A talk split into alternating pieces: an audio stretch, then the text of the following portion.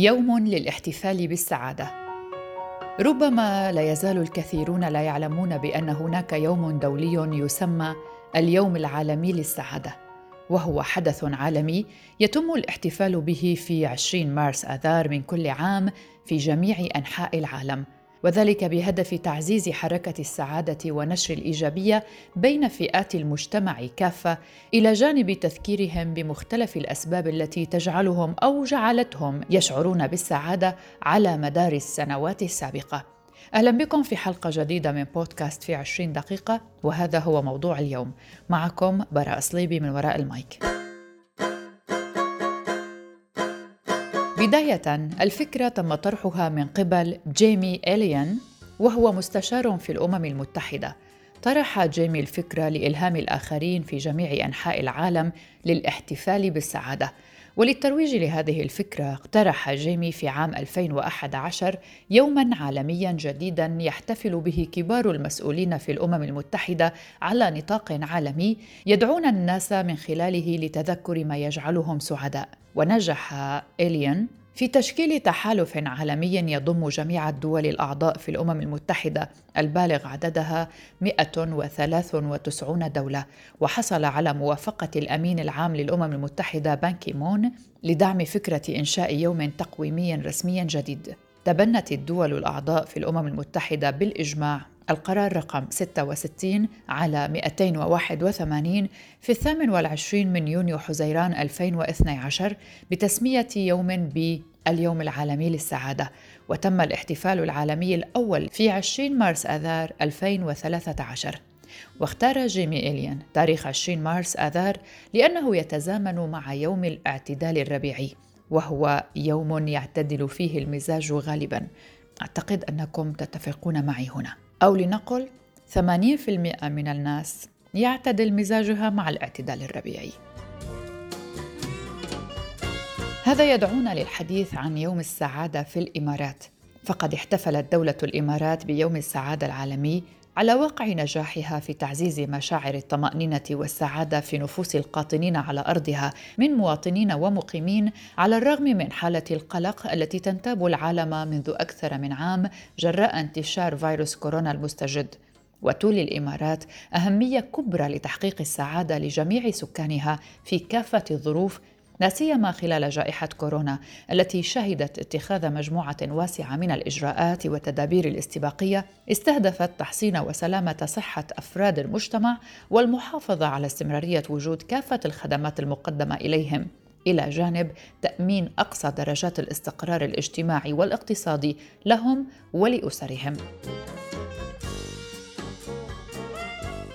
ويحل اليوم العالمي للسعادة هذا العام والإمارات لا تزال تعزز مكانتها في مؤشرات العالمية بهذا الخصوص حيث احتلت المرتبة الأولى عربيا في تقرير السعادة العالمي لعام 2020 الصادر عن شبكة حلول التنمية المستدامة التابع للأمم المتحدة فيما حلت في المركز الأول أوسطياً والثامن عشر عالمياً في قائمة مجلة CAO World لأسعد شعوب العالم التي ضمت أكثر من 150 دولة. وتنطلق التقارير الدولية المختصة في قياس مستوى سعادة شعوب الدول من عدة مؤشرات. وأبرز هذه المؤشرات الأمن والاستقرار مستوى الدخل الفردي حجم الرضا عن الخدمات الصحية والتعليمية إلى جانب البيئة الطبيعية التي باتت تلعب دورا بارزا في رفع مستوى السعادة وجودة الحياة لدى الأفراد. وتحافظ الإمارات منذ أعوام على نسقها التصاعدي في النتائج المحققة على مستوى المؤشرات الأنفة الذكر. فالإمارات اليوم في مقدمة الدول من حيث الأمن والاستقرار وعاصمتها أبو ظبي المدينة الأكثر امنا في العالم للعام الخامس على التوالي. فيما تحافظ على تصنيفها كواحدة من أعلى الدول من حيث نصيب الفرد من الناتج المحلي الإجمالي على مستوى العالم وفقا لتقديرات البنك المركزي. هذا فضلا عن منظومتها الصحية والتعليمية التي تعتبر من الأبرز في المنطقة. وهذا أيضا يدعونا للحديث عن وزارة السعادة في الإمارات. فحكومة دولة الإمارات تهدف لأن تكون ضمن أفضل خمس دول في العالم في سنة 2021 اعتمادا على مؤشر السعادة المخصص لقياس مدى رضا العملاء عن الخدمة المقدمة. وفي عام 2016 أعلن الشيخ محمد بن راشد آل مكتوم عن استحداث منصب وزير دولة للسعادة. وذلك بهدف موائمة كافة الخطط والبرامج والسياسات الحكومية لتحقيق سعادة المجتمع. كما تم فيما بعد إضافة حقيبة وزارية جديدة لمنصب وزير السعادة ليصبح وزير دولة للسعادة وجودة الحياة. تدور الكثير من التساؤلات حول مهام وزير السعادة والهدف منها نظرا لحداثتها في وطننا العربي وعلى مستوى العالم. أما البرنامج الوطني للسعادة والإيجابية وهو من مبادرات وبرامج وزارة السعادة فهو يسعى في المقام الأول إلى توفير وضمان سعادة الأفراد المتعاملين مع المؤسسات الحكومية والخاصة على حد سواء، إذ يتألف البرنامج من ثلاثة محاور رئيسية وهي تضمين السعادة والإيجابية في سياسات وبرامج وخدمات الجهات الحكومية كافة وفي بيئة العمل فيها ترسيخ قيم الإيجابية والسعادة باعتبارها أسلوب حياة في مجتمع دولة الإمارات تطوير مقاييس وأدوات لقياس السعادة في مجتمع دولة الإمارات. هناك مبادرات تتعلق بنشر المحتوى العلمي والثقافي الخاص بالسعادة في مؤلفات ومطبوعات وكتب تخصصية وأيضا من خلال تشجيع القراءة في هذا المجال لتنمية الوعي بأهمية الإيجابية والسعادة كأسلوب حياة متكامل ونشر الوعي بمصادر السعادة والعادات التي تسهم في سعادة الأفراد والمجتمعات. كذلك أطلقت الدولة العديد من البرامج والمبادرات المتعلقة بسعادة المتعاملين ومنها الميثاق الوطني للسعادة والإيجابية تعيين رؤساء تنفيذيين للسعادة والإيجابية تأسيس مجالس للسعادة والإيجابية لدى الجهات الاتحادية، تخصيص أوقات لأنشطة السعادة والإيجابية داخل الجهات الاتحادية وخارجها، إطلاق معادلة جديدة لإسعاد المتعاملين، تدريب الرؤساء التنفيذيين على السعادة والإيجابية، إنشاء مركز الإمارات لأبحاث السعادة، إطلاق برنامج سعادة العمال. أما عن مؤشر السعادة في الإمارات فقد استوحيت فكرة هذا المؤشر من رؤية الشيخ محمد بن راشد آل مكتوم نائب رئيس الدولة رئيس مجلس الوزراء حاكم دبي. ليس لجعل دبي أذكى مدينة في العالم فحسب بل وأسعد مدينة أيضاً. وبناء على ذلك قام الشيخ حمدان بن محمد بن راشد آل مكتوم ولي عهد دبي ورئيس المجلس التنفيذي في دبي قام بتنفيذ مبادرة مؤشر سعادة الإمارات بغية قياس مدى سعادة المواطنين والمقيمين في دبي وكذلك زوارها بشكل تفاعلي وخاصة عند التعامل مع خدمات حكومة دبي حيث تم اعتماد مؤشرات سعادة في معظم الجهات الحكومية ترتبط بشبكة مركزية تديرها مؤسسة حكومة دبي الذكية والتي تتولى تحليل المؤشرات وإرسال تقارير دورية إلى المجلس التنفيذي في دبي بغية تحديد المناطق الجغرافية والحكومية التي بلغت الحد الأقصى من السعادة تجاه خدماتها وكانت الأكثر رضا عنها. يتم قياس معايير مؤشر السعادة على مستويين. المستوى الأول من خلال الموقع الإلكتروني لمركز تقديم الخدمة أو من خلال الأجهزة اللوحية الذكية المتوفرة في مركز تقديم الخدمة. يوفر مؤشر السعادة منصة للمستخدمين غاية في السهولة تسمح لهم بتقييم الخدمات باختيار واحد من بين الخيارات الثلاثة. سعيد، حيادي أو غير سعيد. وتشتمل معايير مؤشر سعادة المتعاملين في دبي على ثلاثة أسس وهي دراسة رأي المتعاملين ودراسة المستوى السري ودراسة رأي المجتمع. أيضا في الإمارات وفي مدينة دبي أقام مركز أفق الإبداع للتدريب والتطوير AETC أقام ملتقى السعادة تزامنا مع يوم السعادة العالمي وأطلق عليه اسم ملتقى أبطال السعادة وصناع جودة الحياة وهو الملتقى السنوي الثاني تحت إشراف هذا المجلس وبحضور أهم الكوادر العربية التي تتمتع بالمعرفة والمهارات العلمية. وتم مناقشة مبادرات وبرامج تساهم في ترسيخ وتبني السعادة كأسلوب حياة وكمنهج تفكير. للتعرف أكثر على هذا الملتقى معنا مشاركة من السيد بهاء الدين سبسبي. مدير التسويق والتطوير في مركز AATC مركز AATC للتدريب في دبي. أول مركز تدريب على مستوى الوطن العربي. ابتكر برنامج متخصص لإعداد قيادات وطنية مؤهلة لصناعة مبادرات السعادة وجودة الحياة حيث تم تخريج ما يقارب أكثر من 300 أخصائي سعادة من عدة دول عربية ليكونوا ناشري للسعادة وصناع لجودة الحياة في أوطانهم. ومن هذا المنطلق ومن أرض الإمارات النموذج العالمي للسعادة جاءت فكرة ملتقى أبطال السعادة وصناع جودة الحياة. ليتم اختيار يوم 20 مارس اليوم العالمي للسعادة ليكون بداية انطلاق الملتقى. والذي يهدف إلى نشر ثقافة السعادة وتعزيز الإيجابية وصناعة جودة الحياة والأهم نشر التفاؤل وبث روح الأمل في كافة أرجاء وطننا العربي لا سيما بعد الأزمات المتتالية ككورونا وغيره من خلال الاستماع إلى قصص ملهمة من أبطال السعادة وصناع الأمل. سنستمع هنا إلى مشاركة من الدكتور أنس المعادلة. السبب الرئيس في مشاركتي في ملتقى السعادة وصناع جودة الحياة محاولة نقل مفهوم السعادة من النظرية إلى تطبيق العملي الملموس وذلك بالتعاون مع نخبة من المدربين الملهمين من مختلف الدول العربية والأجنبية. محدثكم الاختصاصي النفسي والتربوي أنس المعادلة.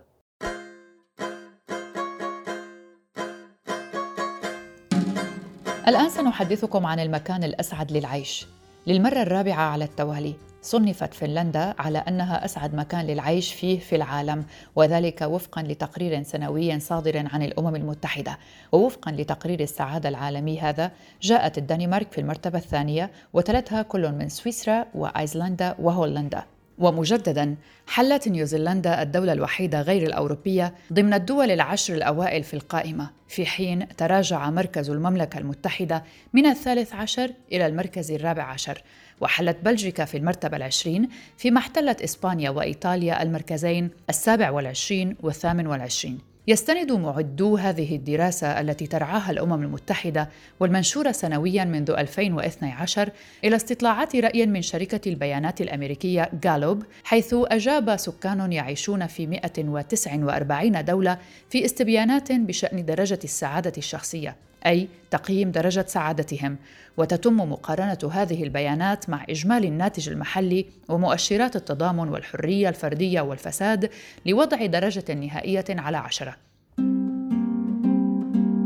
أما البلدان الأقل سعادة في العالم فهي كما ورد في التقرير أفغانستان تلتها ليسوتو في أقصى جنوب قارة أفريقيا وبوتسوانا ورواندا وزيمبابوي وحققت الهند أسوأ مرتبة بين البلدان الكبرى في العالم إذ حلت في المركز 139 وشهد تقييم هذا العام تقدم كبير من الدول الآسيوية عما كانت عليه العام الماضي وانتقلت الصين من المرتبة الرابعة والتسعين إلى المركز الرابع والثمانين.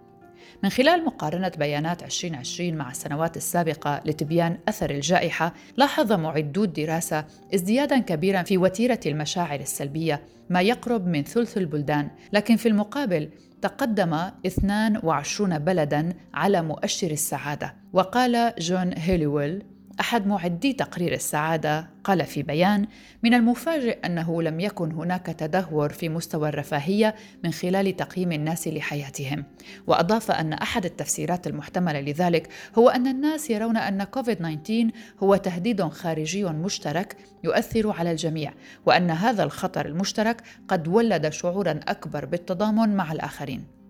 وقال المؤلفون إن فنلندا احتلت مرتبة عالية جدا من معايير الثقة المتبادلة التي ساعدت على حماية الأرواح وسبل العيش أثناء الوباء إذ كان أداء هذه الدول الإسكندنافية التي يبلغ عدد سكانها 5.5 مليون نسمة أفضل بكثير من معظم دول أوروبا خلال الوباء وسجلت ما يزيد قليلا عن 70 ألف حالة إصابة ونحو 800 وفاة وذلك وفقا لجامعة جونز هوبكنز. وبحسب التقرير فإن أسعد عشر دول في العالم هي فنلندا، الدنمارك، سويسرا، أيسلندا، هولندا، النرويج، السويد، لوكسمبورغ، نيوزيلندا والنمسا.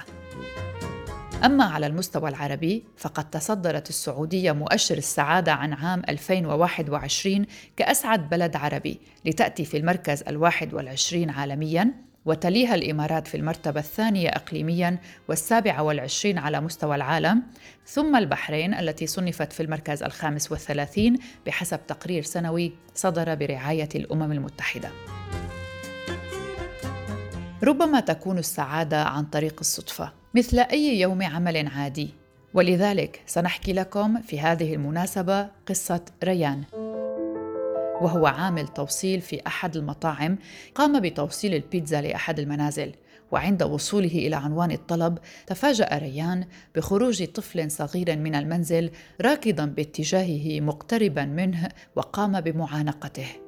ركضت والدة الطفل خوفا عليه لخروجه فجأة من المنزل فاستغربت كيف وجدت طفلها يعانق عامل التوصيل لأنه لم يسبق له فعل ذلك مع الغرباء. فضحكت وطلبت من ابنها توديع ريان وشكره وتمني ليلة سعيدة له.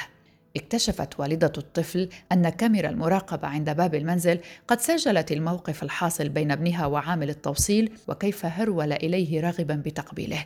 فقامت بنشر هذا الفيديو على صفحتها الخاصة على مواقع التواصل الاجتماعي معلقة على الفيديو. لقد كان ذلك غريبا ومضحكا في نفس الوقت. أتمنى أن يملأ مقطع الفيديو هذا قلوبكم بالدفء كما فعل معنا. وبعد عدة أيام انتشر الفيديو بسرعة بشكل غير متوقع وأصبح من أكثر الفيديوهات مشاهدة في أمريكا. ومع هذا الانتشار الكبير للفيديو وصل المقطع إلى ريان عامل التوصيل الذي شاهده بدوره وتواصل مع والدة الطفل وشكرها على كلماتها التي أرفقتها مع الفيديو وأخبرها أنه في ذلك اليوم كان بحاجة وبشدة إلى ذلك الحضن من ابنها لأن ابنته البالغة من العمر 16 عاماً كانت قد فارقت الحياة بسبب معاناتها مع مرض خطير وذلك قبل أيام من قدومه إلى منزلهم. وقال إن هذا الحضن الذي تلقاه من ابنها ذكره بابنته. حينها أدركت والدة الطفل أن ما حدث لم يكن مصادفة بل كان نعمة من الله للتخفيف من حزن ريان. وبعد تعزيته وعدته بتوضيح الحادثة على الإنترنت فكتبت أنا أؤمن بالله وأن كل ما حدث من ترتيبه لسبب ما وتوصيل البيتزا إلينا عن طريق ريان لم يكن صدفة أبداً. هذا التعليق زاد من انتشار الفيديو ليصبح من أكثر المشاهدات في العالم وعدد من القنوات الإخبارية أيضا نشرت التفاصيل مع الفيديو الذي أسموه نعمة من الله خاصة أن ريان قال في أحد المقابلات الصحفية لقد كنت أخبر عائلتي قبل يوم واحد من الحادثة كم أنا بحاجة إلى حضن ابنتي وكم افتقدتها ولا اعلم هل قام الطفل بضمي لأنه شعر بحزني أو أن ابنتي أعطتني حضنا من خلال ذلك الطفل الصغير. وتواصل عدد كبير من الناس مع الأب ريان لتعزيته لخسارة ابنته المراهقة والبعض منهم أطلقوا حملة خيرية لجمع أموال تبرعات لعائلة ريان على أن تذهب هذه التبرعات لإقامة جنازة لائقة بروح ابنته. لكن الأب لم يقبل أن يأخذ الأموال وقام بالتبرع بها إلى حملة خيرية بدوره قائلا إن هذا أفضل لروح ابنته. واختار تحويل التبرعات إلى منظمة البحث عن الأطفال المفقودين.